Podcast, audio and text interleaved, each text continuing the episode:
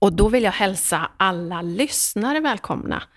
Idag dricker vi vårt 11 kaffe på Sockerbruket i Göteborg. Närmare bestämt hos Vivelin.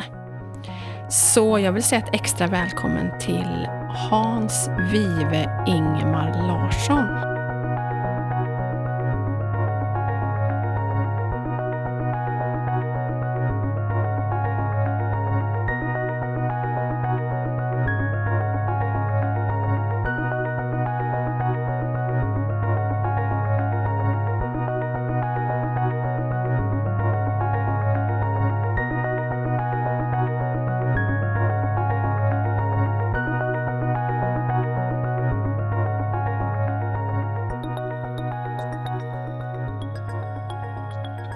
Där fick du med hela mitt namn. Vad har du hittat det? Google. Ja, det är bra det. Där hittar man allt och lite till. Men vi stryker under Vive och så hälsar jag dig välkommen till 11 kaffe med Fru Vintage. Åh, tack. Så roligt att äntligen vara här. Ja. Eh, I era lokaler och få se hur fint ni har det, även fast du tycker att det inte är färdigt. Jag får väl se nästa gång jag kommer då, om det är fullt, fullt utrustat med eller? Ja, precis. Fullt utrustat och så full, full verksamhet. Full verksamhet, ja, ja. Precis. Jättekul. Vi ska prata lite mer om den här platsen. Vi ska prata om eh, att vi ju faktiskt har smusslat lite grann, du och jag, ett tag här nu. Och idag ska jag berätta, eller vi ska berätta vad det är vi har jobbat med. Det ser jag fram emot. Men eh, först, hur har eh, morgonen börjat? Hur har den här dagen börjat? Har du några morgonrutiner eller något du alltid gör? Eller? Nej, ja, morgonrutiner. Jag äter en eh, rejäl frukost med havregrynsgröt. Härligt. Ja, med russin i var det i morse. Eh, och eh, sen, nej, sen gör jag min vanliga morgontoalett och i samband med det så gör jag mina eh, armhävningar. Mm. Amen. Morgonträning? Ja. ja varje så. morgon? Ja. Skönt. Precis. Så att eh, man inte bäckar igen fullständigt. Stelnar till på ålderns höst. Precis. Man behöver mycket muskler när man eh, jobbar med det här. Ja. ja. Är du morgonmänniska så du vaknar tidigt eller sover du ut? Nej, jag är, ingen, jag är nog ingen direkt morgonmänniska. Inte, inte extremt på något sätt. Däremot är jag inte någon sån här som ligger och drar mig jättelänge heller. Så att, eh, nej, men vi brukar gå upp någonstans vid eh, halv sju-tiden. Det är ju lite naturligtvis kopplat också till när man börjar jobba. Min fru börjar jobba vid, vid åtta. Och ni har inga småbarn som väcker er? Nej, nej. nej. Det, det, är jätteskönt. Ja, visst är det. jag brukar säga det, trots att våra, alltså våra yngsta fyller 24 i år. Och trots att det är ja, men, över 20 år sedan som vi blev väckta på nätterna, eh, som man blir av småbarn, så kan jag fortfarande tänka när jag går och lägger mig, ah, jag ska få sova hela mm. natten, fast det har gått över 20 år. det hänger i. Ja, men det, det hänger i. Ja, paradiset. Ja, det är lyxigt. Verkligen. Men du, du har ju en, eh, tycker jag, väldigt spännande jobbhistoria. Ganska udda på många sätt. Som jag tänker att, att eh, vi ska prata mer om också. Men, men först, eh, nu har du i alla fall för tillfället landat då i ett familjeföretag som, som kallas för Vivelin. Mm. Och ni eh, eh, växtfärgar, designar växtfärgar och producerar linneprodukter. Just det. Berätta hur... Berätta lite grann om din... Nej, vet du vad du ska få börja med att berätta? Mm. Jag läste på din hemsida att du kommer ifrån en konstnärsfamilj. Mm. Berätta. Ja, men det stämmer. Eh, det var väl min farfar eh, och egentligen hans pappa också tror jag. Men, men eh, från farfar, om vi tar det så långt tillbaks, så då är vi någonstans i, i slutet av 1800-talet. Och vi är i eh, de sydligaste delarna av Skåne. Eh, en, en liten ort som ligger strax utanför Skurup. Jaha. Så då är vi nästan så långt ner man kan komma. Och den här orten heter då Västra Vemmenhög. Och den är då liktydig med där ja, Selma Lagerlöfs berättelse om Nils Holgersson mm-hmm. startade på en gård i Västra Vemmenhög. Jaha. och som lite kuriosa så sägs det att det ska vara farfars gård där min pappa och hans bror växte upp. Eh, eller granngården kanske. Ja, men då säger vi farfars gård, Ja, det tycker jag. jag. Det tycker ja. jag. Jag kör på den. Det bestämmer vi. Här och nu. Ja. Ja, lite så. så att, och, och, då var det så att farfar, han, han utbildade sig. Eh, han gick eh, på konstskola och han, eh, han eh, tecknade faktiskt på, på banksammanträden och sådär i, eh, i, på orten. Och eh, sen eh, blev han porträttmålare så att han, eh, Jaha. han tecknade och målade många av ortens människor. Och även lite miljöbeskrivningar då med, med naturen runt omkring. Väldigt vackert där nere. Är det något du har sett? Alltså, ja, mm. jajamän. när, när ja, min far och hans bror, de fick ju dela på kvarlåtenskapen när, när farfar gick bort. Och, eh, då delade de väl på hälften ungefär med alla teckningar och målningar och sådär. Eh, och min far och hans bror då, de eh, gick vidare på samma bana, så de utbildade sig eh, bland annat på Valands målarskola i Göteborg och på Konstfack i Stockholm. och min farbror då, han blev sedermera skulptör. Wow. Eh, ja, min... Så det ligger i blodet kan man säga? Ja, men lite, det är Ditt väl lite så. Ja, ja, Det kliar väl lite i fingrarna. Ja, så. Vad härligt. och det kommer väl därifrån tror jag. Och, och min far då, han, han, eh, han var både konstnär och skulptör och sedermera så utbildade han sig till, till bildlärare och, och, sedan så utbildade han lärare i bildämnet. Då. Men var det någonting som du fick med dig i barndomen, alltså att det var kreativt hemma? Ja, det var ju så till exempel att eh, målarböcker var förbjudna hemma. du vet sådana här med... Som man fyller i? Jajamän, ah. med, med, som var konturerade med svart och så skulle man fylla i med färger. Då. Eh, det gillade inte farsan. utan, det förstår jag. Man skulle måla själv då? Ja, precis. Ah. Använda sin egen kreativa ah, förmåga. Och eh, det använde han ju väldigt mycket i sin, sin uh, utbildning också. Då.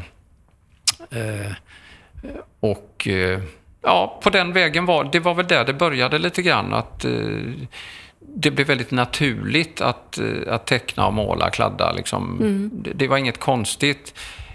Jag tror att många barn idag känner lite ångest för, för det här att prestera någonting på pappret, ah. det vita pappret.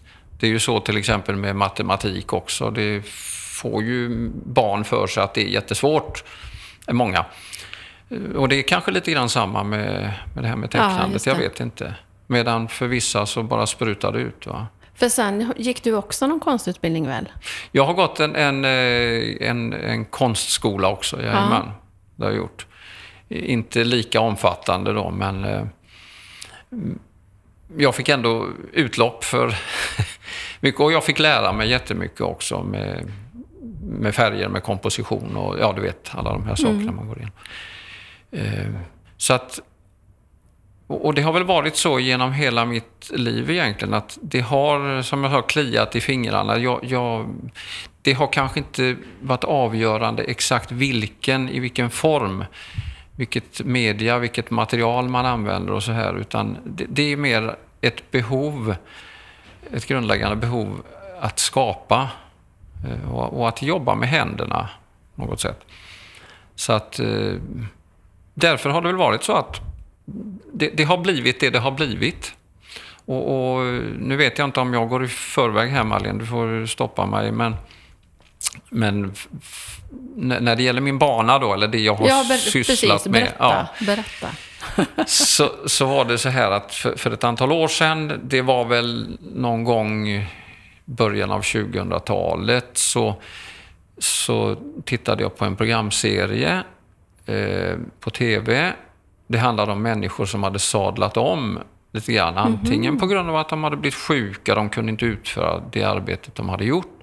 Eller så handlade det om att förverkliga en, en dröm som de kanske hade haft sedan barnsben.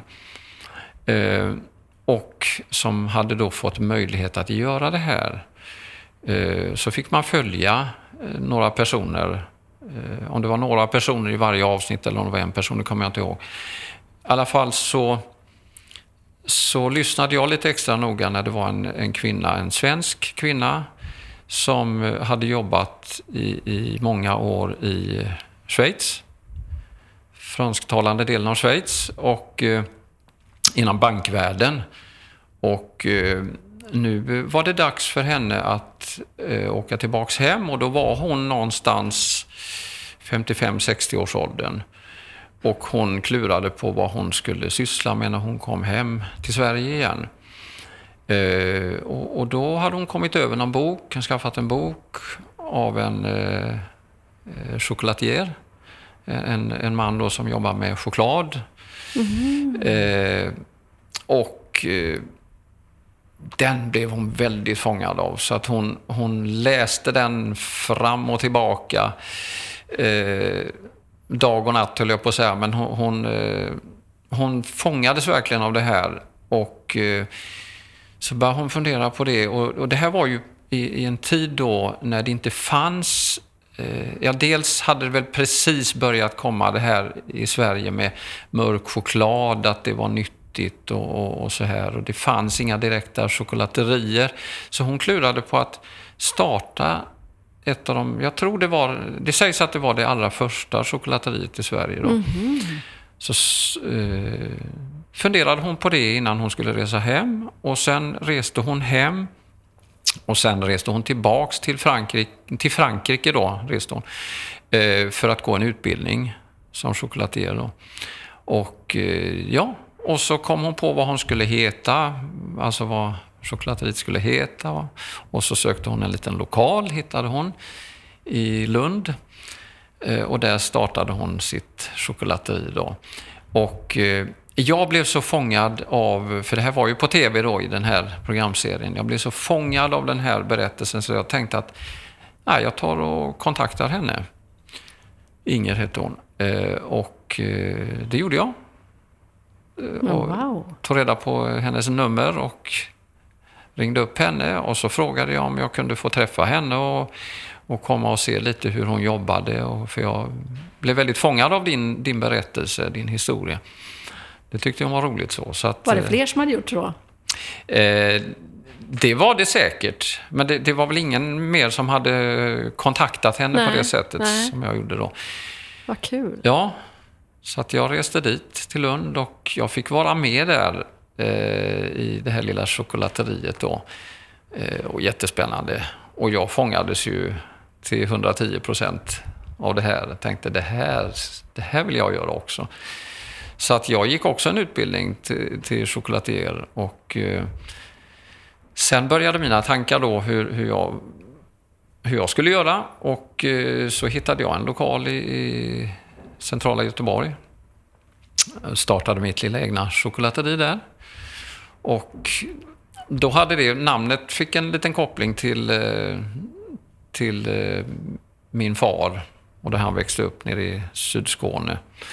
Och det var just Selma Lagerlöf och Nils Holgersson. Så att chokladeriet fick heta Selma och Nils. Mm -hmm. ja. Och vart gick du utbildningen? Eh, ja, den gick, jag i, den gick jag i Frankrike och sen gick jag även eh, hos min mentor. Eh, och eh, hon lärde mig jättemycket och du vet, man har ju tusen och en fråga även när man har kommit igång. Ja.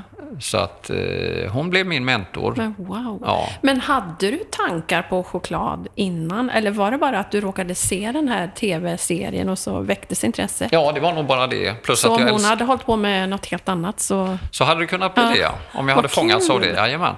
Fantastiskt. Sen älskade jag ju choklad naturligtvis. Det gör väl de flesta. Ja, ja. Och hur länge jobbade du med det då? Eh, ja, men det, det, gjorde jag då en, eh, ett par år. Och, och det, det, tyvärr, det var en ganska kort tid. Och jag, det var så här att jag hade ju en anställning och jag tog tjänstledigt 50 procent. Och det blev ju, det, det, kan man ju räkna ut nästan då, att ja, det blev ganska jobbigt.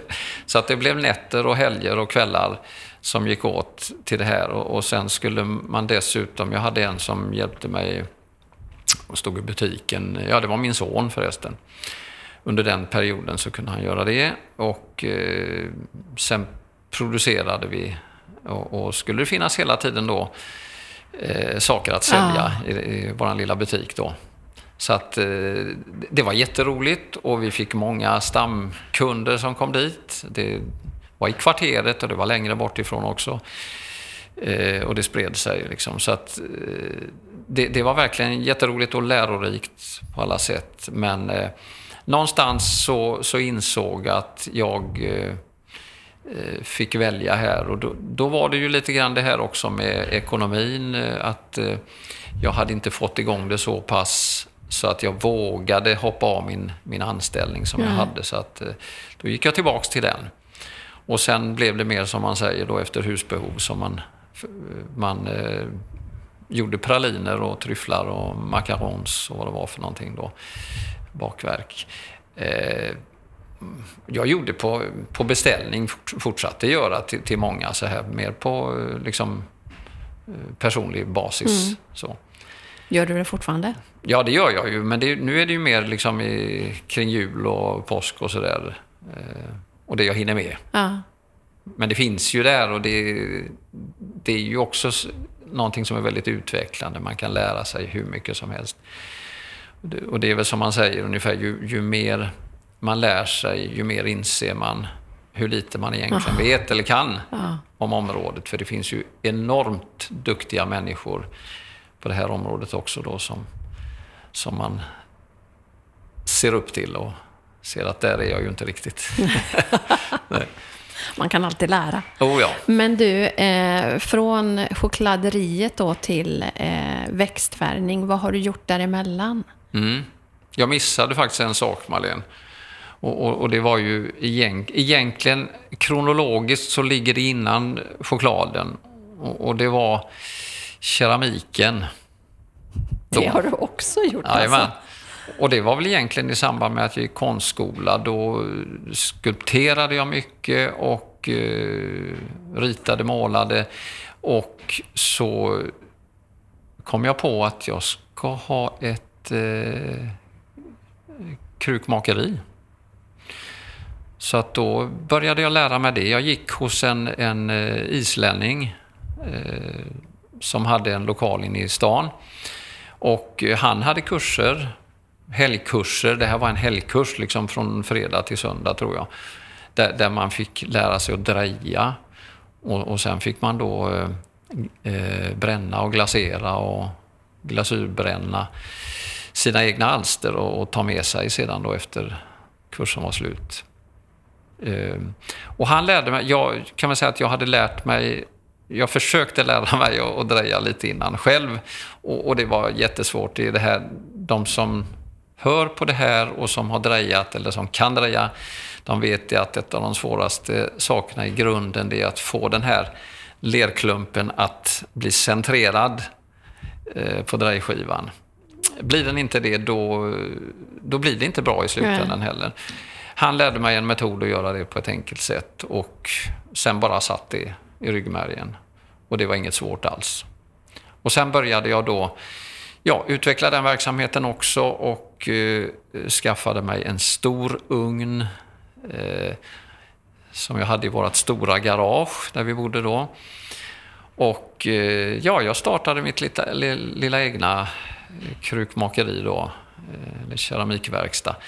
Och sen, sen sålde jag, hade lite återförsäljare och, och sådär och, och hade lite pop-ups och sådär också sålde min keramik. Och det var jätteroligt och, och människor uppskattade det också. Så det var eh, jättekul, verkligen.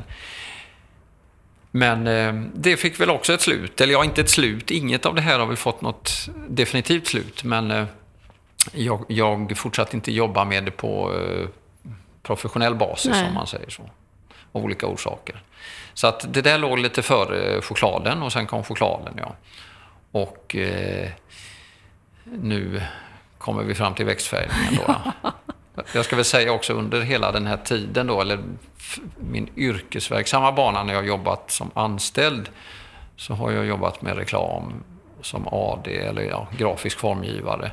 Så det, det, har följt med hela tiden och det är ju också väldigt mycket kreativt tänkande och eh, man, man, får teckna och måla och fundera mycket. Det är både bild och text. Ja.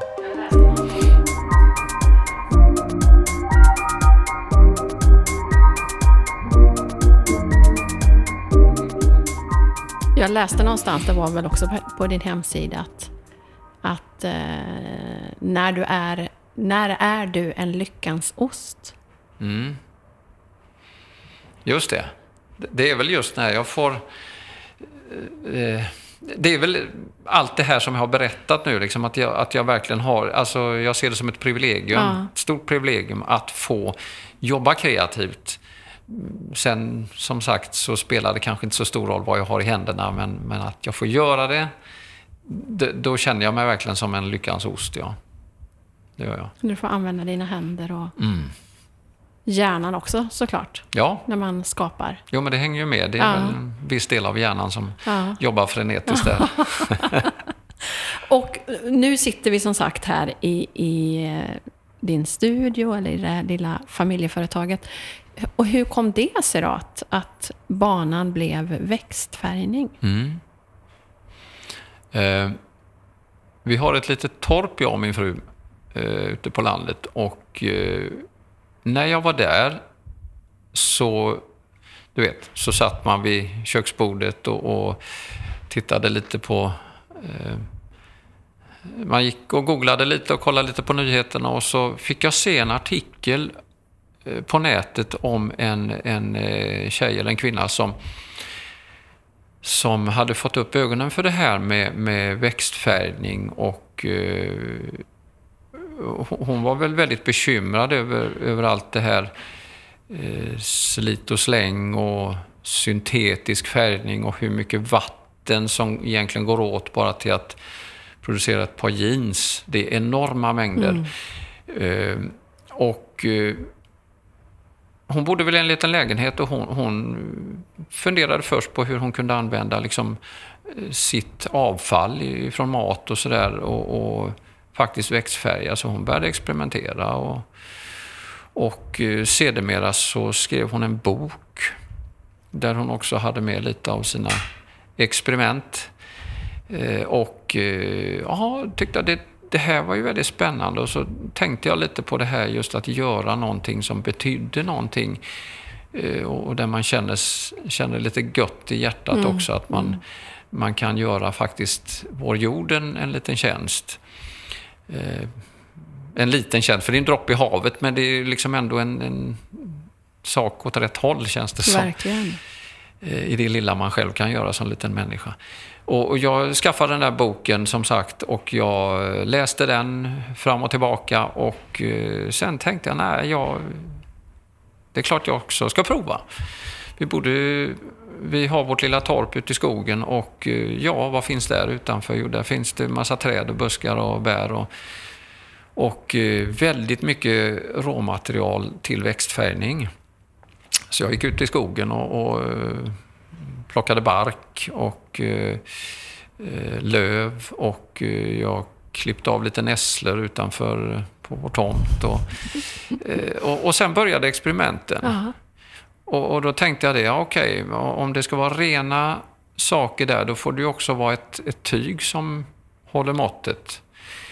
Uh, och då läste jag en del om det och uh, förstod att det här med lin och hampa och sådär, det, det, det odlas uh, på, på, ett väldigt miljövänligt sätt ofta och, och, det kräver väldigt lite vatten, ingen konstbevattning och gödning och så här.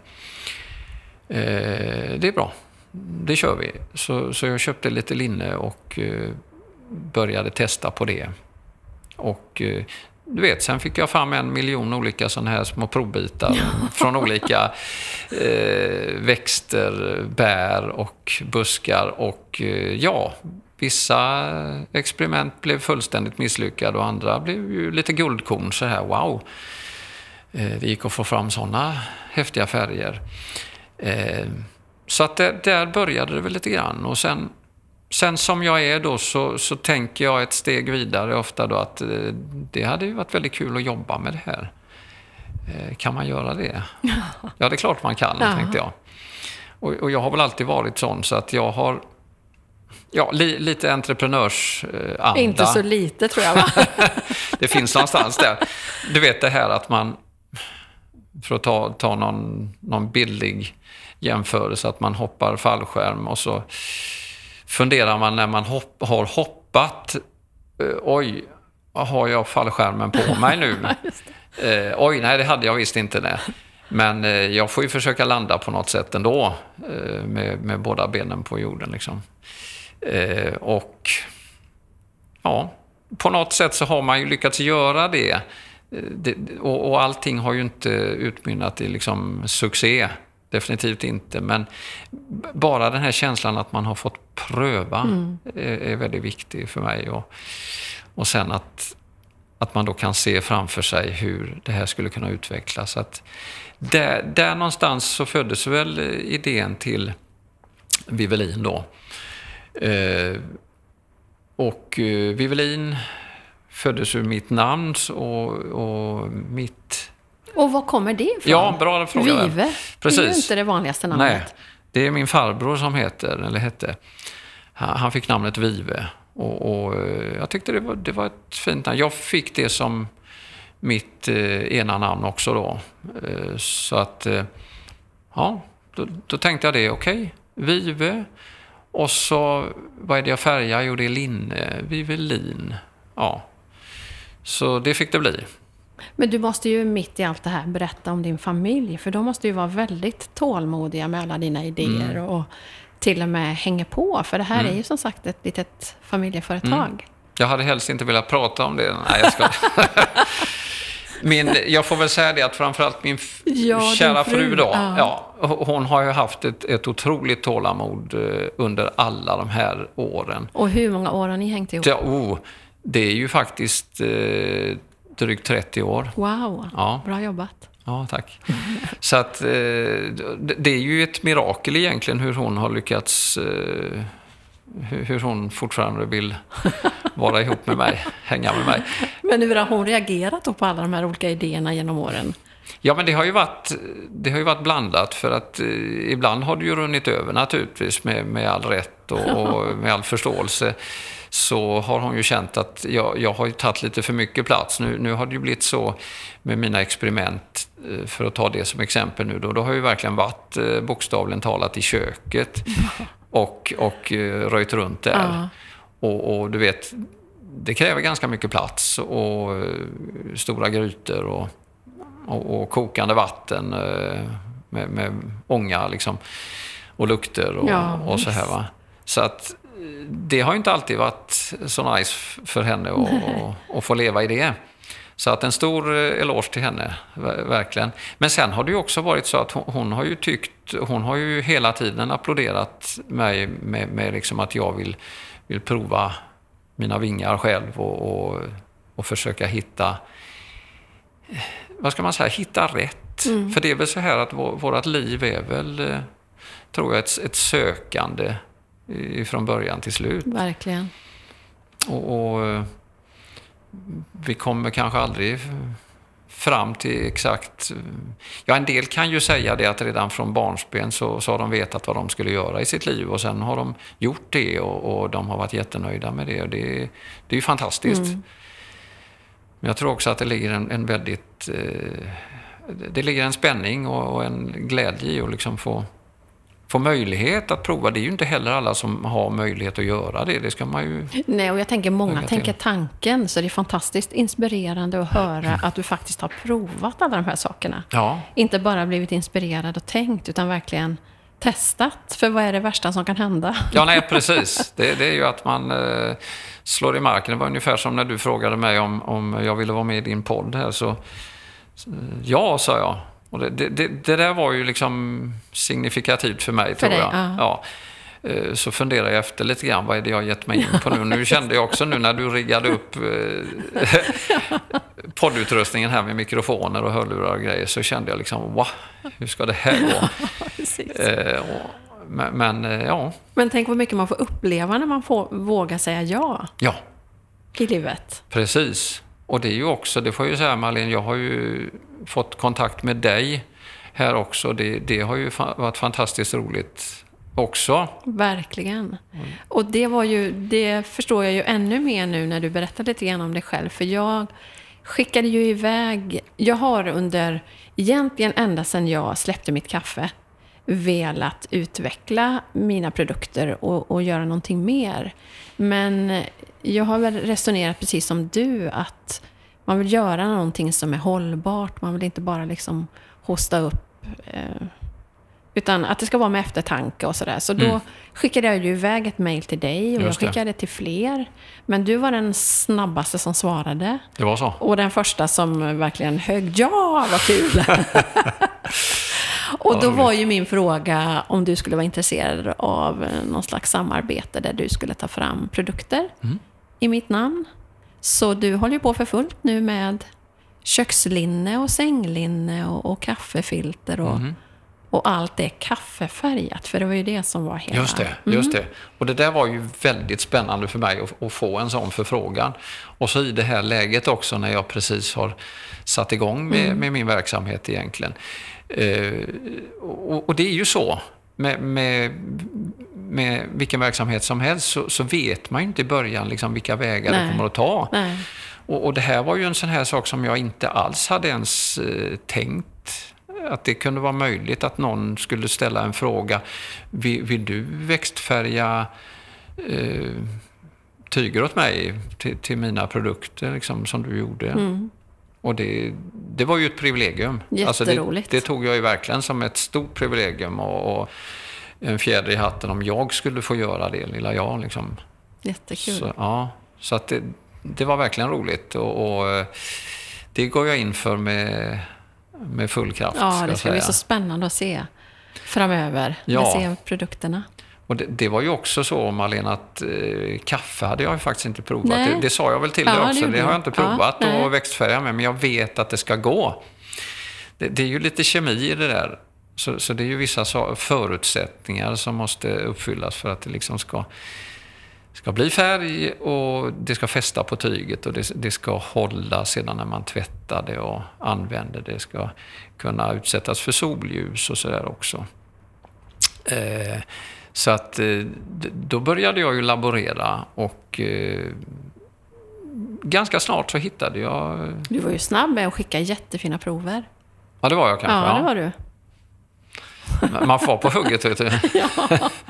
så, så eh, Eh, nej, men det, det kändes ganska bra där att, att jag började hitta, för det är ju det också att man måste hitta en, en stabil produktion som fungerar att göra uh, över tid och mm. göra många saker av. Liksom. Uh, och, och, jag hittade ett recept till slut då som, som fungerade och, och, och som jag också då har testat. sen är det klart, Sen är det ju så, det, jag skulle säga att en del i det här vackra då med, med växtfärgat, det är ju just att, eh, att det får slitas. Precis som, som ett, en gammal fin möbel eller ett annat klädesplagg man har. Liksom att, att det slits med värdighet och, och det blir bara vackrare och vackrare eh, med åren. Mm. Och, och sen också det här hållbara, att det liksom ska hålla över tid. Är det någonting som du har med dig bakåt? För du, nu har vi ju försökt att få fram etiketter som ska vara hållbara och både du och jag vill att det ska vara hållbart hela vägen. Ja. Hur, hur kommer de tankarna för dig eller var kommer det ifrån? Det kommer nog naturligt eh, också tror jag. För det, det, det, det föds väl ur det här någonstans att vi kan inte fortsätta hålla på så här med det här slit och släng. när jag växte upp då, då fanns det ju stora soptippar och där slängde man ju allting och så brände man det. Liksom. Mm. Det var ju fruktansvärt när man tänker på det. Eh, sen kom källsortering och, och, våra barn, skulle jag säga, är, är egentligen mycket mer medvetna än vad vi har varit. Eh, jag får prata för mig själv än vad jag har varit eh, till att börja med. Och, och de är väldigt kritiska till, till, den här utvecklingen märker man som, som håller på att ske. Mm. Och eh, därför är, är de måna om att köpa saker som har bra kvalitet, hellre betala lite mer för det och, och så eh, veta att det håller och att ja, de trivs med det de har köpt, om det nu är ett klädesplagg eller en möbel eller vad det är för någonting. Så, att det, det, har nog fötts mycket i detta och, och tittar man på pandemin här nu också så, så har man också kunnat konstatera att människor har de känner en slags trygghet att gå tillbaks till det här, det här hållbara, mm. det som håller, inte något flyktigt som helt plötsligt bara försvinner. För så är det ju med pandemin, med att man kan bli sjuk och, och man kan drabbas antingen själv eller på nära håll av, eh, sjuk, den här eh, pandemin då. Mm. Och, och, alla konsekvenser det kan få. Och då, då, blir ju helt plötsligt hela livet väldigt osäkert och väldigt flyktigt. Och, och då, då är det väl en mänsklig känsla liksom att man vill hålla sig fast vid någonting som man vet håller, som man kan känna trygghet i. Mm. Och, så att jag får nog säga att det, det, har växt fram ur det också. För, för, jag har ju faktiskt startat mitt under den här ja, pandemin. Ja. ja. Och du fick med dig delar av familjen, för du är ju inte själv. Berätta. Nej, just det. Eh, ja, min, min son då, Tim, han, eh, han har ju alltid, eh, ja han har ju växt upp i det här också, han har ju varit trillatungen. Eh, och, och, och följt med på den här resan, det jag har gjort. Och eh, jag, jag eh, förstod ju ganska snart att jag behöver ju basunera ut det här på något sätt så att människor vet att vi finns till.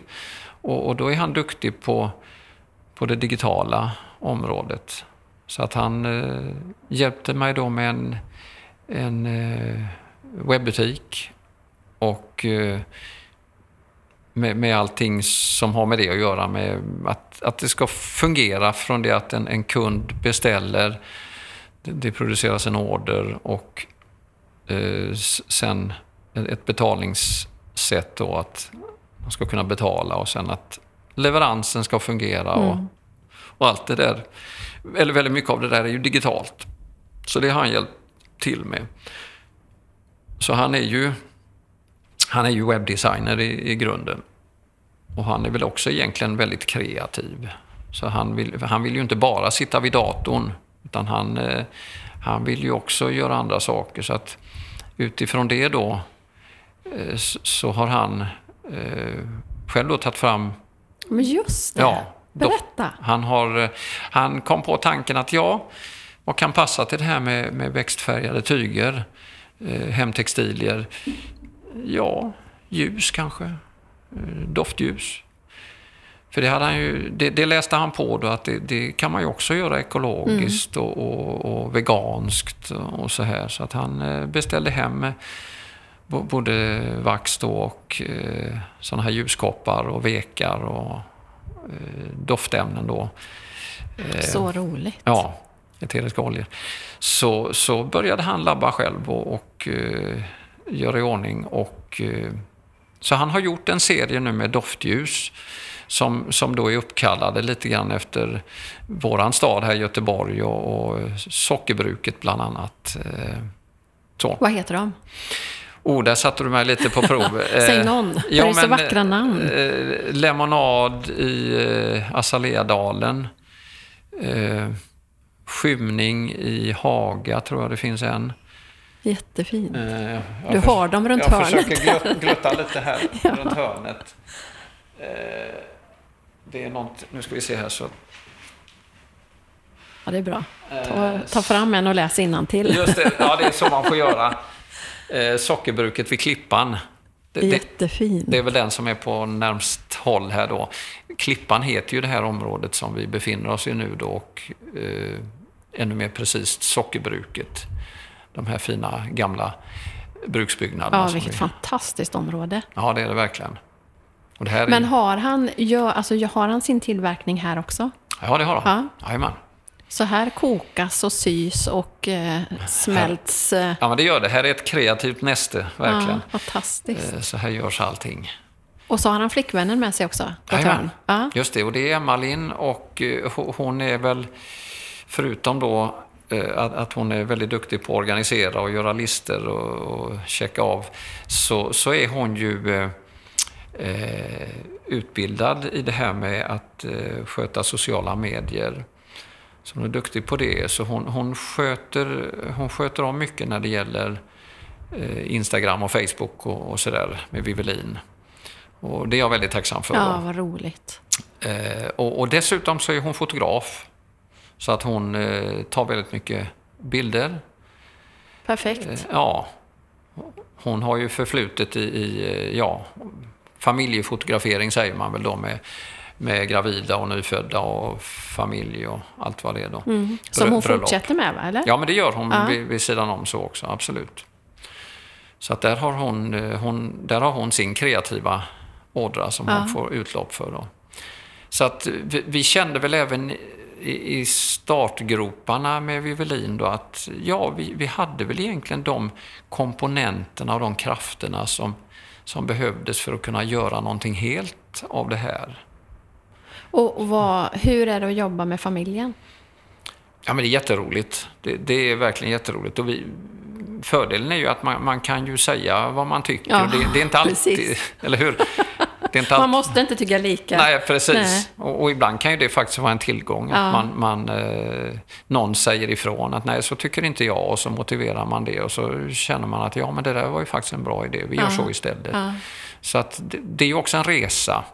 Liksom hur man ska utveckla saker och, och eh, färgpaletten eller vad som helst. Liksom, vad ska vi ha för färger? Eh, så att det, det, det blir ju en frågeställning om precis allting och så, så får man nöta och blöta det och så försöker man eh, i andra änden hitta ut på, på något bra sätt. Att, eh, ja, men så här gör vi. Mm. Vi har redan varit inne på det med pandemin och att det, det, den väl har fått många av oss att omvärdera livet och vad som är viktigt i livet. Eh, Definitivt. vad har varit viktigt för dig eller för er, din fru och dig, att, att skicka med Tim då ut i livet? Ja, men förutom det här att, att han verkligen ska vara sig själv och, och, han ska prova sina egna vingar och, och, liksom göra som han själv, som hans hjärta bjuder så att säga. Så är det väl också, man ska inte säga pekpinnar, men, men liksom någonting som bygger på erfarenheter som vi har då, jag och min fru, som vi kan förmedla är, är ju också jätteviktigt. Och, ja, vad skulle det kunna vara? Nu blir jag lite tagen på sängen här, Malin. Jag kan, fort, jag kan fortsätta så kan du få tänka lite. Men jag, jag tänker på det att jag pratade med våran son eh, för ett tag sedan. Just det här med, som du är inne på, med pekpinnar och att man som förälder faktiskt har gått före och har en hel del erfarenheter som barnen inte har. Då vet jag han sa vid något tillfälle att det var så skönt ibland när, när man kunde säga till kompisen att jag får inte för mamma och pappa saker som han själv kanske egentligen inte ville men inte vågade säga nej till. Men då var det skönt att kunna liksom mamma och pappa har sagt gränsen här så att Skönt. Ja, precis. jag tror att, att vi eh, mer än vad vi kanske tror hjälper våra barn där. Eh, det är så lätt att tänka att man ska vara kompis och man ska... Men vi har verkligen en uppgift som föräldrar att sätta Sant. upp de här staketen och, för att vi faktiskt har levt längre. Ja. Och det är precis som du säger, och det, det är ju så med Tim också, att han, han känner ju det nu när han är mer vuxen. Eh, han är 28 år tror jag. Eh, att, att då, då tackar han ju oss Ja. för mycket. Eh, jag uppskattar verkligen att, att ni sa så här, att, att ni gjorde så här, eller att ni förbjöd mig att göra det här, eller att ni avrådde mig från att göra det här. Eh, att ni pushade mig för det här och så vidare. Eh, Så att då får man ju lite, då känner man ju att man får verkligen payback. Ja, och det, det gläder ju ens hjärta Ja. liksom. Även så. om det kanske var en fight just då. Ja. så har man fått veta i efterhand att det var kanske inte så dumt. Nej, precis. Nej, men visst är det så. Sen ska jag säga så här när vi nu pratar om barn och så också att, att jag har ju en dotter också, eller min fru har, det är min frus dotter, men eh, hon är, är vuxen också och eh, hon har tre barn så att jag har ju tre Ah, barnbarn wow. dessutom. Hur gamla? Ja, men de är, eh, Kevin då, han är 19 år. Eh, Nova, hon är 12. Och Milton, han är snart fem. Ja, vilket gäng. Ja. Visst är det härligt? Ja, det är härligt, verkligen. Och, och Jenny heter eh, dottern då och hon, eh, hon är också eh, hon är också fotograf. Så Jaha. hon har, hon har ju gjort mycket tillsammans med Emma-Linn då med, med familjefotograferingar Ja. och Vad kul. olika projekt och så. Vad heter deras företag? Måste vi göra lite reklam för dem här? Eh, eh, Eller ja, sätter jag dig på pottan igen nu? Ja, jag funderar nu, för, för det är ju lite annorlunda idag. Det är ju inte alltid det här, du vet, inregistrerade företag. Jag är ju Nej. så van vid det, utan de heter ju, alltså... Men de har eh, Instagramkonton va? Ja, precis. Så Emma-Linn har ju fotograf Lilla Blå, va? Just det, det Ja. sa hon innan hon gick. Precis. Just det. Och Jenny har ju ett konto också. Och det, är- usch, det vågar jag faktiskt inte säga riktigt vad det heter. Det heter någonting som är kopplat till hennes barn också. Eh, Nova... Ska vi kolla på Nå- Instagram? Jag har Ja. min telefon här. Precis. Det är ju kul att... Det, jag skäms lite över det. Men hon, jag tror att det är, ganska, det är ganska nystartat. För hon har hetat något annat innan, tror jag. Novami Foto. Jaha, Kan du hitta det? då ska vi se. Nova... För det är Nova och Milton då. Nova Mi Foto. Ja, där. Det hittade Ja. jag. Då följer jag nu.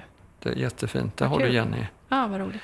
Och hon är ju, det ska jag ju säga, hon är ju otroligt eh, kreativ människa.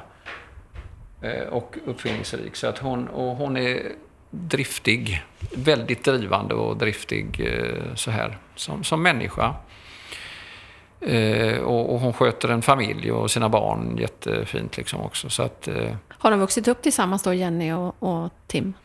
Eh, ja, det har de gjort. In, inte, inte så länge egentligen.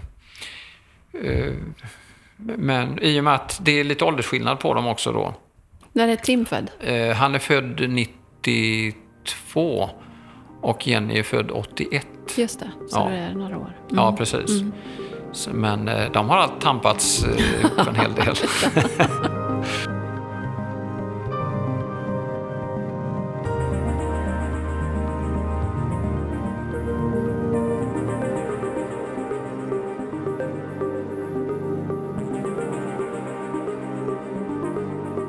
Livsförebild. Har du någon sån? oh, det där är alltid svårt. Jag tänker både kreativt och eh, livet i stort. Ja. ja, men det är klart att det finns förebilder. Eh, jag tänker dels, dels har man ju det faktiskt på, på lite närmre håll. Eh, med eh, ja, släktingar faktiskt. Eh, min mormor var en sån eh, kvinna. Hon, hon var väldigt bestämd och eh, hon var, allt, hon var i farten. Hon var ju hemmafru också. Och, men, men hon var också väldigt, vad ska vi säga, hade, en gnista, liksom en livsgnista och jag växte upp, när jag växte upp ska jag säga, så jag får fundera här lite nu. Jaha, du får fundera under tiden. Eh, För du har ju som sagt inte fått några frågor i förväg. Nej, utan precis. allt levereras ju här Allt på ska plats. hända här och nu. Ja. Eh, ja, det är häftigt. Jo, hon, hon bodde faktiskt i eh, Västervik, där min mamma då också är, är uppväxt eh, kring Västervik, eh, på östkusten. Och där var vi en hel del på somrarna. Då kuskade vi dit, eh, vi syskon med mamma och pappa. och eh, var där eh, ibland flera veckor faktiskt på sommaren. Mhm. Var på västkusten? hus I, I Västervik. Västervik, ja, du sa Ja, kanske. på östkusten. Mm, mm. Ja. Östkusten? Ja, okej. östkustens Jag hörde bara pärla. väster, Västervik. Ja, Ah, precis. Just det. Mm. Jättefint. Du ligger också vid, vid vattnet. Ja, det ligger jättevackert. Verkligen. Så att där, där har jag väldigt mycket minnen och, eh, och, och min mormor också då, att hon alltid, hela tiden var i farten. Hon hade hela tiden någonting att göra det. Men det, man kände en väldig, en väldig trygghet på något sätt när man var där hemma i hennes hus. Man gick upp för den här knirrande trätrappan. Där skulle man sova där uppe i, i sovrummet. Eh, och sen kom man ner på morgonen eh, för den här knirrande trappan och så kände man dofterna av, eh, då hade hon väl eh, kokat, eh, du vet, choklad och så var det macka och så käkade man frukost och sen skulle man ut och leka då. Och, och världen för något, på något sätt när man var i den åldern då, man var väl en fem sex sju år, det, det var ju runt hennes tomt. Det var hennes tomt. Sen var det liksom staketet, det, det var ju liksom utanför, det var ju en annan värld på något sätt. Eh, som man inte kände till så mycket och den var nog lite, lite farlig kanske. Ja, men lite spännande samtidigt då.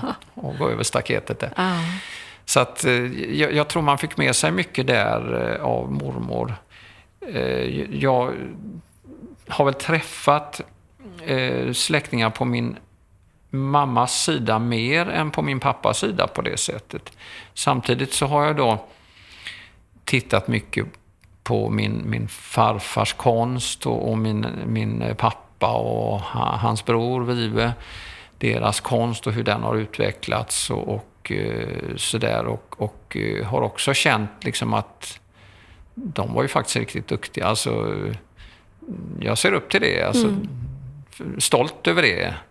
Och eh, på något sätt så, konst är ju sånt, så där hittar man ju på något sätt sin egen väg. Man, man plagierar ju inte någon annan och det, det hade inte funkat heller. Liksom. För jag är på mitt sätt. Och, men men jag, jag tror ändå att de har varit mycket inspirationskällor för mig. Och är det kanske från mormor du fick drivet då? Ja, men det tror jag. Mm. Det tror jag. För, för hon var väldigt så här eh, rak och framåt och ingenting var omöjligt. Eh, min, pappa, han minns jag, han var en, en sann konstnär. För han, han var lite slarvig och han hade inte koll på vad han hade gjort av grejer. Och han glömde att handla saker och sådär. Så eh, morsan fick säga till honom då.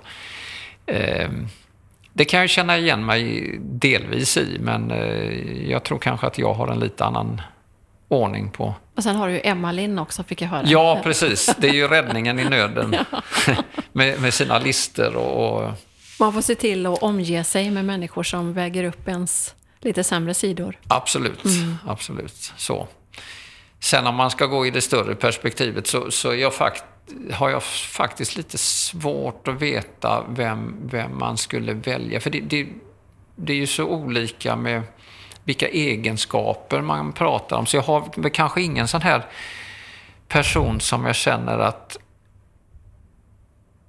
att han eller hon funkar för allt. Liksom. Nej, men ofta är det ju så att man tar lite här och lite där. Precis. Ja. Men, men det kan ju liksom vara en, en, blandning av, du vet, eh, Mahatma Gandhi, eh, någon amerikansk... Eh, nej, jag vet inte. Jag, jag får faktiskt jag får passa på den lite. För jag har inte... Vissa har ju sådär självklart liksom att de kan kan pinpointa personer som de har som förebilder. Riktigt sådär. Jag, jag, jag kan se upp till många, men jag har nog ingen specifik Nej. så här, som jag kan nämna så här. Nej. Rakt över disk. Eh, Men du, jag tänker att vi ska, vi ska börja avrunda, för snart har vi suttit här nästan en timme. Oj, Visst är det otroligt vad Ja, fort ja, det ja. ja det, det tror jag inte på, Malin. Men jag tänker framåt. Hur ser du på framtiden? Liksom, har du landat i det här nu att nu är det växtfärgning och lin och vivelin? Eller? Mm. Ja, jag, jag kan väl säga så här då att ja, växtfärgning och det här hållbara, det, det har en framtid. Definitivt. det finns inget annat. Nej. Det, det är den vägen vi måste gå. Ja. Och, och då kan jag känna att då är jag på rätt väg. Eh, sen, sen tror jag och hoppas att Vivelin kommer att växa med växtfärgning och finnas kvar och få, få förmånen att, att utveckla det här eh, verksamheten med, med tygerna och med färger och, och, och eh, kunna glädja eh, kunder i andra änden. Eh, och, och, och kunna hjälpa dem också med, med det här hållbara. Eh, och att förhoppningsvis att de här produkterna eh, många gånger kan hålla i, i många, många år. Eh, Det, det är liksom min förhoppning och det ser jag fram emot. Så att, ja, jag, jag, jag ser verkligen en framtid med det här. Och, och jag, jag har ju mycket idéer eh, hur hur det här ska kunna utvecklas. Och, och det ber jag att få återkomma i Vi tar en podd till här framtida framöver. Så, så att, och, det är väl på något sätt också en, en livsnerv att, att man hela tiden har nya idéer och nya infallsvinklar för att kunna, kunna utveckla, driva framåt. Men, men eh, i allt detta ska jag säga Marlene då, så, så älskar jag, det var precis som med chokladeriet, att det vill jag behålla småskaligt. Där det verkligen var jag och vi som, som skapade. Det, det lades inte någon annanstans på tillverkning och sen sålde vi det. Det är samma med det här. Att det, det är jag och det är vi som, i vårt team liksom som, som gör det här från början till slut. Och, och det, det ska bevaras så. Det ska inte utvecklas till något stort. Det är bara grytorna som får bli lite större. Ja, de, de kan behöva växa. Det är så sant. Det är så sant. Ja. Så att eh, det, det kommer att bevaras småskaligt. Det, det kan jag garantera. Ja, vad roligt. Ja, Jag ser fram emot att följa er på många sätt. jätteroligt. Ja, tack så jätte- jättemycket att jag fick komma hit och tack för att du var så snabb på att säga ja både till podden och till produkterna.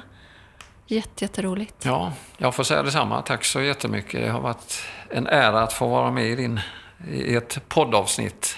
Tack så mycket. Får hoppas att jag inte har fördärvat allt för mycket nu för di- dina kära lyssnare. Nej, det tror jag inte. Tack så jättemycket. Tack, tack. Hej då. Hej, hej.